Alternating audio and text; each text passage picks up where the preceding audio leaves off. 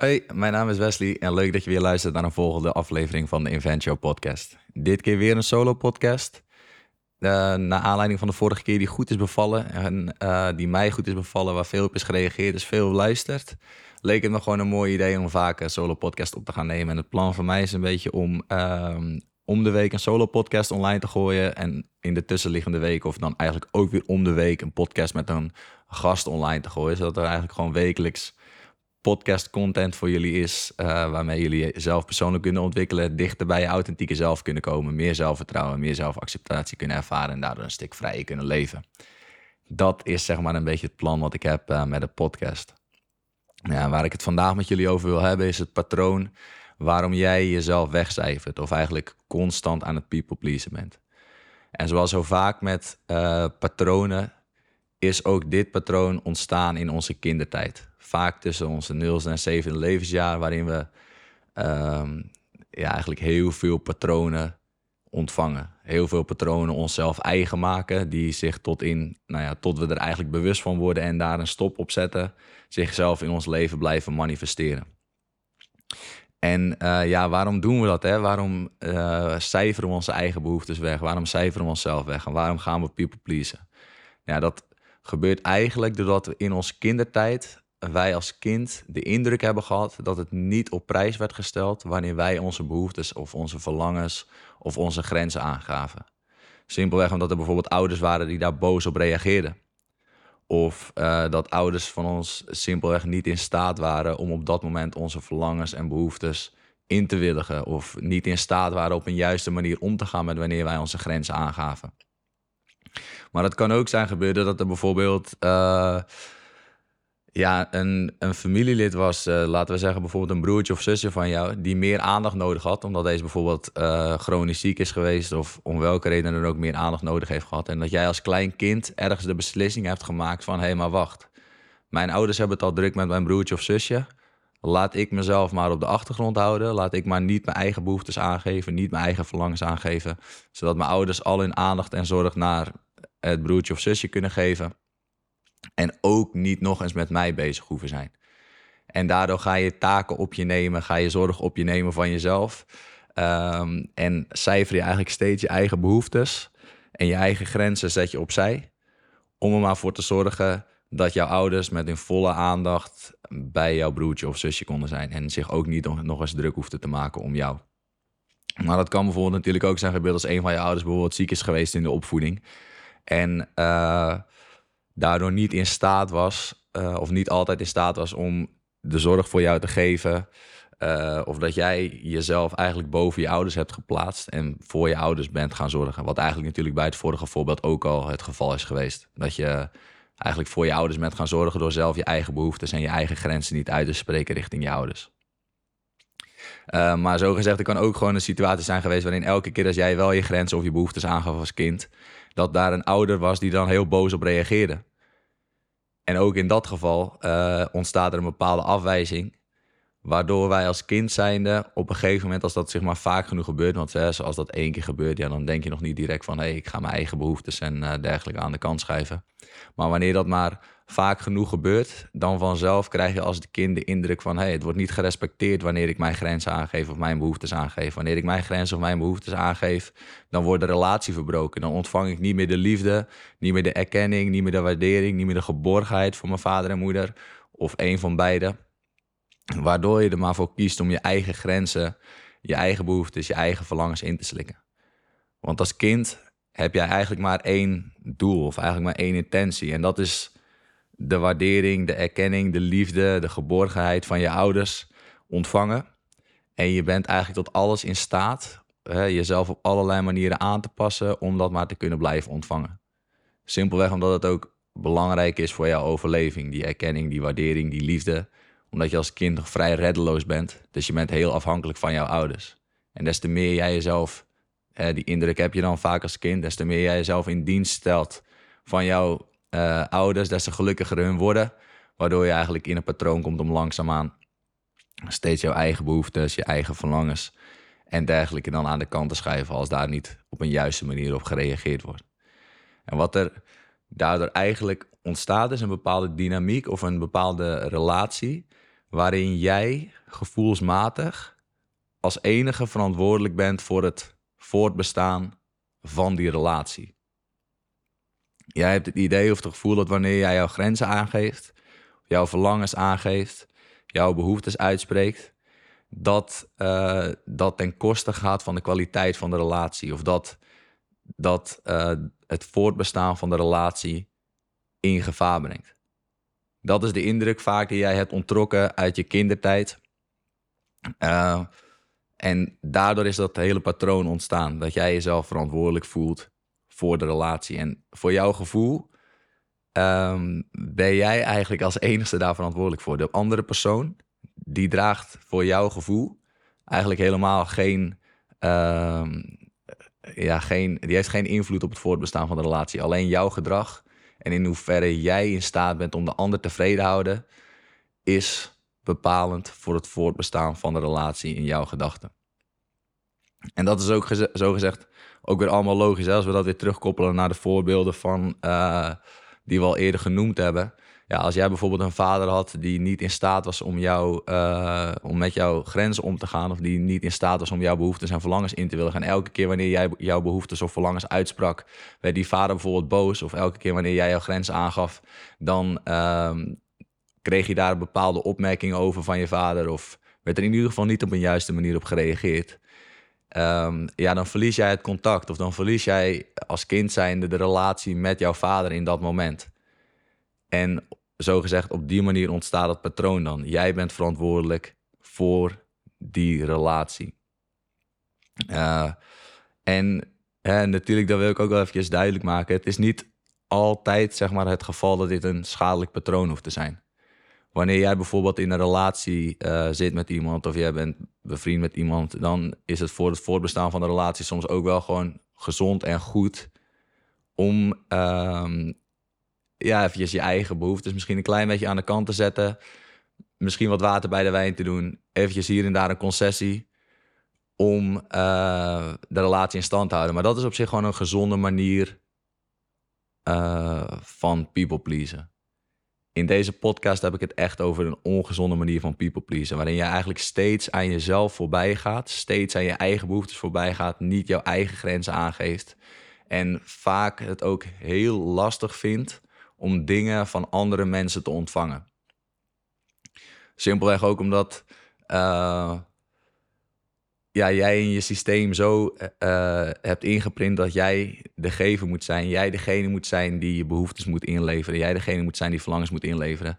Dat je het daardoor lastig vindt om, uh, om te ontvangen, zeg maar. Nu zitten daar ook veel andere achterliggende oorzaken achter.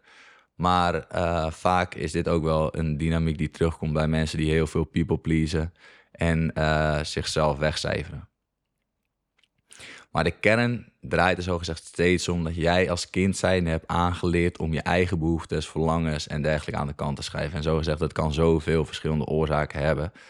Uh, maar vaak omdat jij als kind de indruk hebt gehad dat het niet op prijs werd gesteld wanneer jij jouw grenzen en behoeftes aangaf. Ja, dan tot zover zo goed. Hè? Vaak hebben mensen van zichzelf wel een beetje in de gaten van ja, ik weet dat ik me steeds aan mezelf voorbij ga en dat ik constant mezelf uh, passeer. Niet in staat ben om mijn eigen grenzen aan te geven. Uh, maar hoe ga je daar vervolgens mee om? Want dat is misschien nog wel belangrijk. En mensen zitten tot, vaak leidt dat ook wel uh, tot frustratie bij zichzelf wanneer ze dit patroon herkennen. Maar hoe kun je dat vervolgens doorbreken? Dat is wellicht nog wel belangrijker. Ja, daar zijn verschillende oplossingen voor.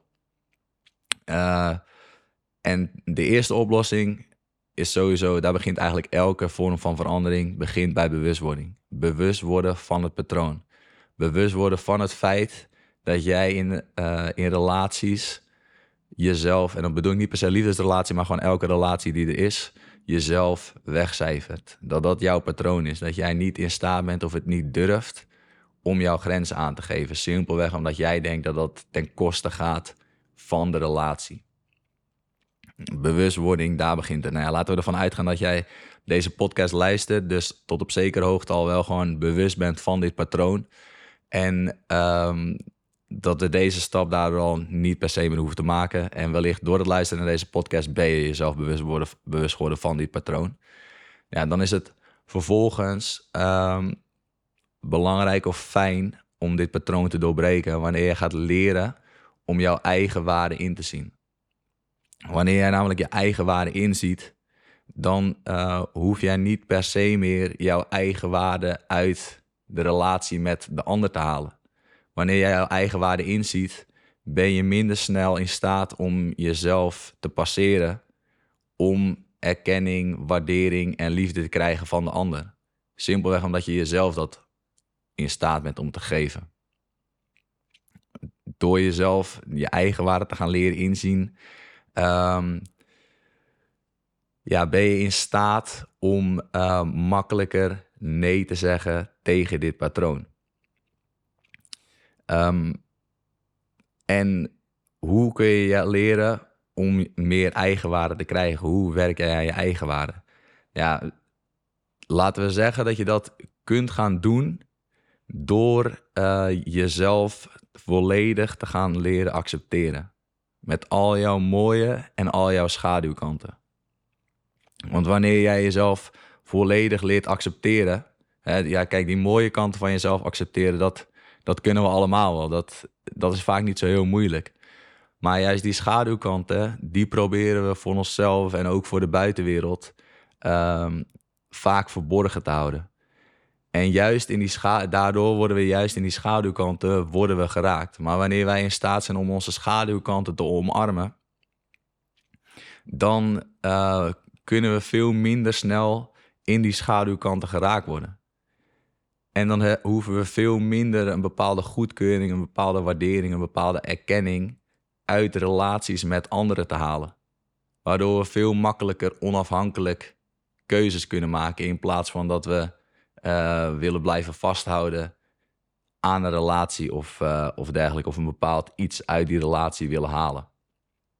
En um, ook wanneer jij uh, jezelf volledig kunt accepteren voor de persoon die jij bent, jezelf volledig kunt omarmen, wijs je ook minder delen van jezelf af. Aangezien de schaduwkanten in jezelf zijn eigenlijk altijd de kanten die jij afwijst. Nou ja, waarom please jij mensen? Omdat je ook tot op een zekere hoogte bang bent voor de afwijzing van andere mensen. Maar wanneer jij jezelf minder afwijst, delen in jezelf minder afwijst, zul je ook uh, minder angstig zijn om afgewezen te worden door anderen. Simpelweg omdat jij jezelf als, als heel ziet. Jij ziet jezelf als één geheel en jij hoeft niet uit de relatie met de ander uh, bepaalde waarden te halen om jezelf als één geheel te mogen zien. Dus leren om jezelf volledig te accepteren met al jouw mooie kanten en al jouw schaduwkanten dat is een manier om meer eigenwaarde te creëren en een manier om makkelijker uit deze dynamiek te stappen. Ja, en hoe kun je dan uh, jouw schaduwkanten gaan leren ontdekken? Ten eerste bijvoorbeeld door stilte op te zoeken. En uh, vanuit de stilte komen vaak antwoorden naar boven. Welke kanten jij jezelf afwijst, welke delen er niet mogen zijn, uh, bepaalde onzekerheden, bepaalde angsten, you name it maar ook in jouw buitenwereld om je heen. Kijk bijvoorbeeld eens waar jij een oordeel op hebt. Waar in jouw omgeving of welke persoon in jouw omgeving heb jij een bepaald oordeel op? Want vaak zegt dit oordeel veel over jou. Stel jij hebt bijvoorbeeld een oordeel over iemand uh, die heel onzeker is. Of jij hebt een oordeel over onzeker gedrag in jouw omgeving. En dat is voor mij wel een bekende. Dan wil dat waarschijnlijk zeggen dat jij een bepaalde onzekerheid in jezelf verborgen probeert te houden voor de rest van de wereld. En wanneer jij die onzekerheid voor jezelf, die schaduwkant voor jezelf en ook voor de rest van de wereld verborgen wilt houden, ja, dan kun je jezelf niet volledig accepteren. Want die onzekerheid, dat is ook simpelweg een deel van jou als persoon. Maar het kan ook zijn dat jij bijvoorbeeld een bepaalde aversie hebt tegen iemand die uh, heel vrij is. Of uh, die zichzelf graag laat zien. Of misschien een bepaalde aversie hebt tegen iemand of getriggerd wordt door iemand die uh, met zelfvertrouwen over zichzelf praat of zelfvertrouwen uitstraalt. Ja, en dat kan ook weer een bepaald iets zeggen over jou. Dat jij bijvoorbeeld uh, moeite hebt om jezelf complimenten te geven of moeite mee hebt om uh, jezelf goed genoeg te vinden. Nou ja, dan, en dit is echt gewoon een heel simpel voorbeeldje. Vaak gaat het allemaal nog wat dieper, maar um, gewoon even voor de eenvoud van de podcast. Uh, dan wil het ook weer zeggen dat daar een bepaald punt zit van jezelf, wat jij mag gaan leren ontwikkelen, wat jij mag gaan leren ontdekken, zodat je dat minder van jezelf hoeft te gaan afwijzen. Um, ja, er, er, kunnen bepaalde dingen zijn in jouw buitenwereld waar jij een bepaald negatief oordeel over hebt. Uh, maar vaak halen we die um, ja, vanuit de mensen in jouw directe omgeving waar jij een bepaald oordeel over hebt, zijn voor jou de meest snelle uh, kant of de meest snelle manier om jouw eigen, uh, jouw eigen schaduwkanten te ontdekken. Maar ook in jouw eigen gedrag. En ook je eigen gedrag kun je weer beter gaan leren kennen wanneer jij de stilte op zoek naar stil wordt. Uh, maar ook in je eigen gedrag kunnen veel schaduwkanten zitten. Bijvoorbeeld wanneer jij. Um, uh, vaak naar de gym gaat of um, ja, laten we zeggen vaak naar de gym gaat of heel veel bezig bent met je uiterlijk, omdat uh, daar wellicht een bepaalde onzekerheid onder zit. Of misschien een gevoel van als ik niet naar de gym ben geweest, dan heb ik niet goed mijn best gedaan voor mijn lichaam. Want als ik niet goed mijn best heb gedaan voor mijn lichaam, dan voel ik me snel onzeker over mijn lichaam. Dan uh, zit daar dus een bepaalde onzekerheid. En dan is het niet de zaak dat jij nog meer gaat werken aan uh, naar de gym gaan of nog meer bezig gaat zijn met je uiterlijk en nog meer die onzekerheid gaat proberen te controleren en in een bepaald hokje of in een bepaalde kooitje te houden. Maar dat jij toenadering gaat leren zoeken tot die onzekerheid en die onzekerheid er gaat leren zijn en gaat ontdekken van hé, hey, waar komt die onzekerheid vandaan? En uh, dergelijke, dat je op die manier contact, toenadering zoekt tot die onzekerheid. Uh, om op die manier die schaduwkant, die onzekerheid in jezelf te gaan leren kennen en te gaan leren ontdekken. Want uiteindelijk al onze schaduwkant of de, schaduw, de kanten van onszelf die we verborgen proberen te houden voor de wereld, die er van onszelf niet mogen zijn of waar we onszelf wellicht voor schamen, weerhouden ons ervan om um, onszelf volledig te accepteren, volledig heel te zijn en onze volledige eigen waarde in te gaan zien. Wat daarnaast ook heel goed werkt om dit patroon te doorbreken, heb ik zelf mogen ervaren. Want zelf heb ik ook wel echt last gehad van uh, people pleasen. Dat was ook een van de redenen waarom ik eigenlijk ben begonnen een jaar of drie geleden met mijn persoonlijk ontwikkelingstraject. Ik merkte bijvoorbeeld zelf in mijn bedrijf dat ik cijferde dus gewoon steeds mijn eigen behoeftes aan de kant. Al uh, zei een klant tegen mij, uh, Wes, ik kan niet trainen. Dan uh, zei ik, oké, okay, prima. Zelfs was het een paar uur voor de training. Of een klant zei een coaching sessie af. Had gewoon zoiets van: oké, uh, een paar uur van tevoren, oké, uh, wanneer gaan we hem inhalen? Ik durfde niet mijn eigen grens aan te geven. En dan had ik bijvoorbeeld voor mezelf voorgenomen: oké, woensdagavond hou ik vrij. Of woensdagavond ga ik niet werken. En die klant zei: woensdagavond heb ik tijd. Paf. Ik zei gewoon: is goed, woensdagavond gaan we hem doen. Ik was gewoon constant mijn eigen behoeftes, mijn eigen verlangens, mijn eigen grens opzij aan het zetten om de relatie met de ander maar goed te houden. Ik voelde mezelf mega verantwoordelijk voor de relatie met de ander. Ja, wat mij hierin ook echt heel goed heeft geholpen, is uh, het werken met bepaalde doelen, het werken met intenties en um, daarbij bepaalde kernwaarden te formuleren.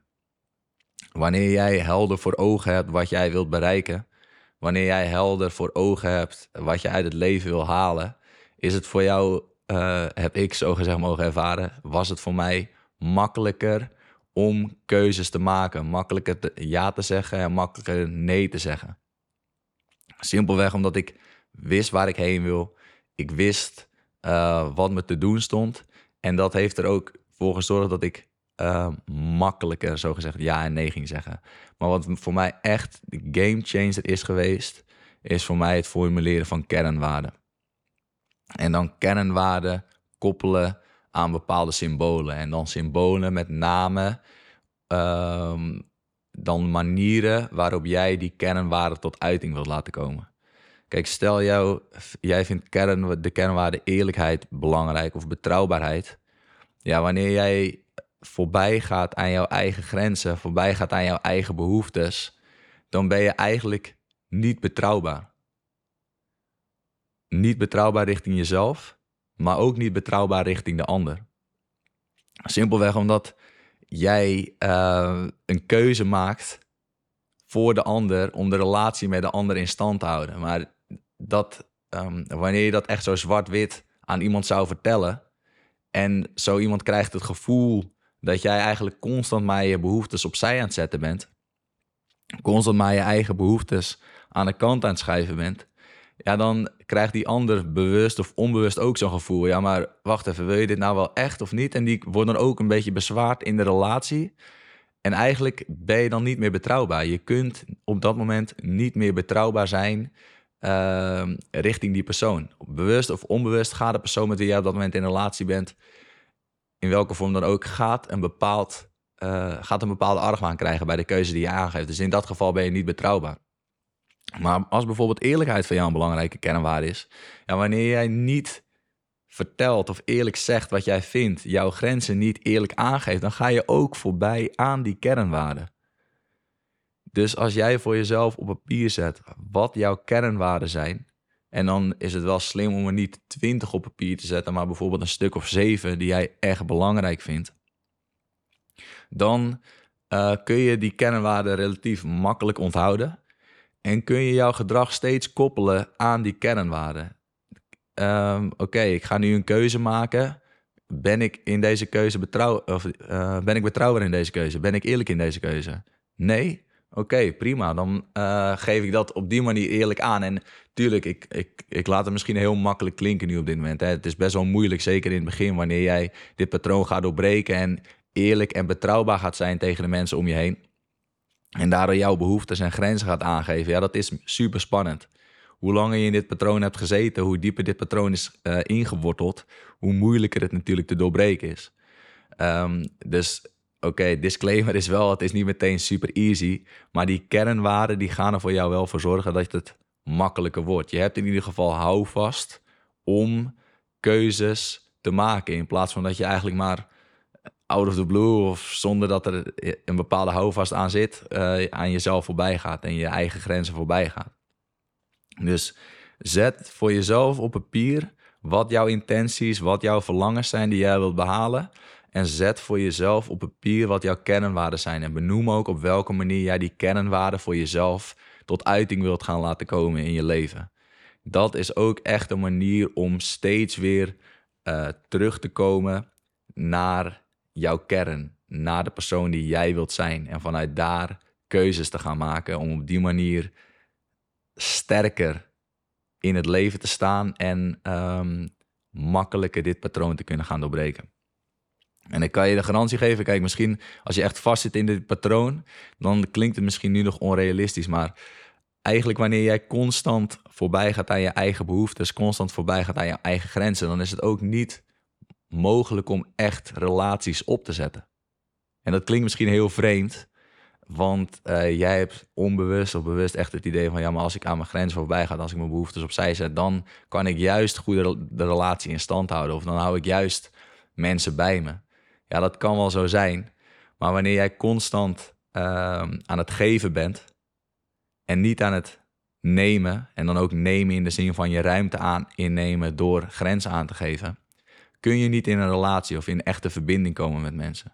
Want wanneer mensen constant maar geven, geven, geven, geven, maar niks aannemen, kan er geen relatie ontstaan. Een relatie is namelijk geven, nemen, geven, nemen, geven, nemen, geven, nemen. En doordat er eigenlijk steeds uh, muntjes in een spapelt worden gedaan, of er wordt steeds een investering gedaan, die wordt weer aangenomen en die investering wordt vervolgens weer afgelost. Of de investering die jij hebt met de persoon in een relatie lopen met elkaar in balans. En des te meer investeringen er zijn gedaan uh, van beide kanten, des te sterker of steviger de relatie. Maar wanneer er eigenlijk, zoals in een relatie, wanneer jij steeds aan het geven bent, aan het pleasen en jezelf aan het wegcijferen bent, wanneer jij dan steeds maar aan het geven bent en niet aan het nemen, dan loopt jouw kant van de balans eh, heel snel op. Maar de ander is niet in staat om zijn kant van de balans op te laten lopen. Waardoor er geen evenwichtige relatie ontstaat, geen diepe relatie ontstaat, geen krachtige relatie ontstaat. Juist voor het ontwikkelen van krachtige, gezonde relaties is het belangrijk dat jij leert om je eigen grens aan te geven. En durft om jouw eigen ruimte te nemen. Durven om te nemen is de key voor het opzetten van krachtige relaties. En dan kan het ook best wel zo zijn dat wanneer jij uh, start met het aangeven van je grenzen, start met het aangeven van jouw eigen behoeftes en verlangens, dat er veel mensen zullen zijn die hiervan gaan schrikken. Dat er ook veel mensen zijn die, uh, met wie jij nu nog in een relatief voor jouw gevoel goede relatie bent, of nu nog in verbinding bent, dat die uit jouw leven zullen gaan verdwijnen. En in het begin is dat natuurlijk, zal het heftig zijn, zal het pijnlijk zijn en zal het moeilijk zijn. Maar dat betekent eigenlijk ook dat die mensen niet, uh, klinkt heel hard, maar niet in jouw leven horen te zijn. Simpelweg omdat hun niet in staat waren om met jou een krachtige relatie op te zetten. Niet in staat waren om jou te laten uitgroeien tot de persoon die jij in potentie bent. Niet in staat waren om uh, op welke manier dan ook met jou potentieel te dealen. En dat klinkt heel hard, maar zulke soort mensen die heb je in principe eigenlijk niet nodig in je leven. En juist door wel je grenzen aan te geven, wel je behoeftes uh, uit te spreken, zullen de mensen die nu in je leven zijn en dat van jou accepteren, daarmee zul je nog krachtigere relaties gaan opbouwen. En de mensen die uh, nieuw in jouw leven komen, omdat als er mensen uit je leven gaan, zullen er ook altijd weer nieuwe mensen in je leven komen. Die zullen het van jou respecteren wanneer jij jouw grenzen aangeeft. En die zullen um, het respecteren wanneer je jouw behoeftes en verlangens aangeeft. En die zullen daar ook op een juiste manier op in kunnen spelen. Waardoor dat het voor jou ook nog weer makkelijker wordt om het patroon of die dynamiek van jezelf please en dergelijke te doorbreken. Omdat het van jou wordt geaccepteerd wanneer je jouw grens aangeeft. Wanneer je in de dynamiek blijft waarin het niet van jou geaccepteerd wordt wanneer je je grens aangeeft, word je constant ook in dat patroon overtuigd. Of bevestigd in dat patroon, laat ik het zo zeggen. En wanneer je daaruit stapt uit die dynamiek, nieuwe mensen aantrekt en de mensen in je leven behoudt die dat kunnen waarderen, word je ook weer constant in uh, dat patroon bevestigd. Dus uh, ja, voor zover denk ik uh, dat ik aardig wat besproken heb in deze podcast al. Um, maar kern van het verhaal is het patroon om jezelf constant weg te cijferen is ontstaan in jouw kindertijd en de oplossingen daartegen zijn bewustwording, um, jouw eigen waarde in gaan leren zien. Onder andere door jouw schaduwkanten te gaan leren omarmen. En jouw intenties en verlangens voor jezelf op papier te zetten.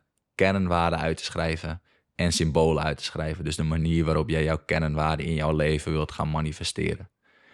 Dat zal ervoor gaan zorgen dat je een stuk krachtiger in het leven komt te staan. Krachtiger de keuze kunt maken om voor jezelf te kiezen.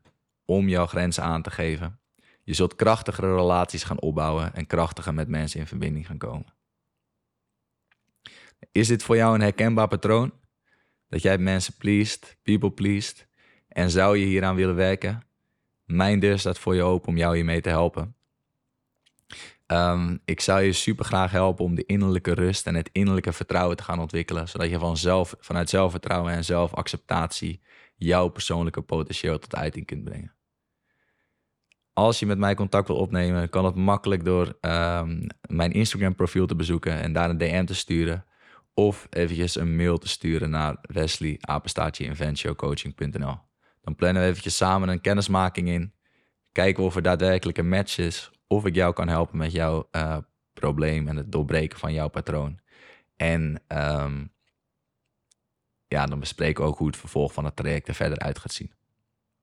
Voor zover eventjes bedankt voor het luisteren en tot een volgende aflevering.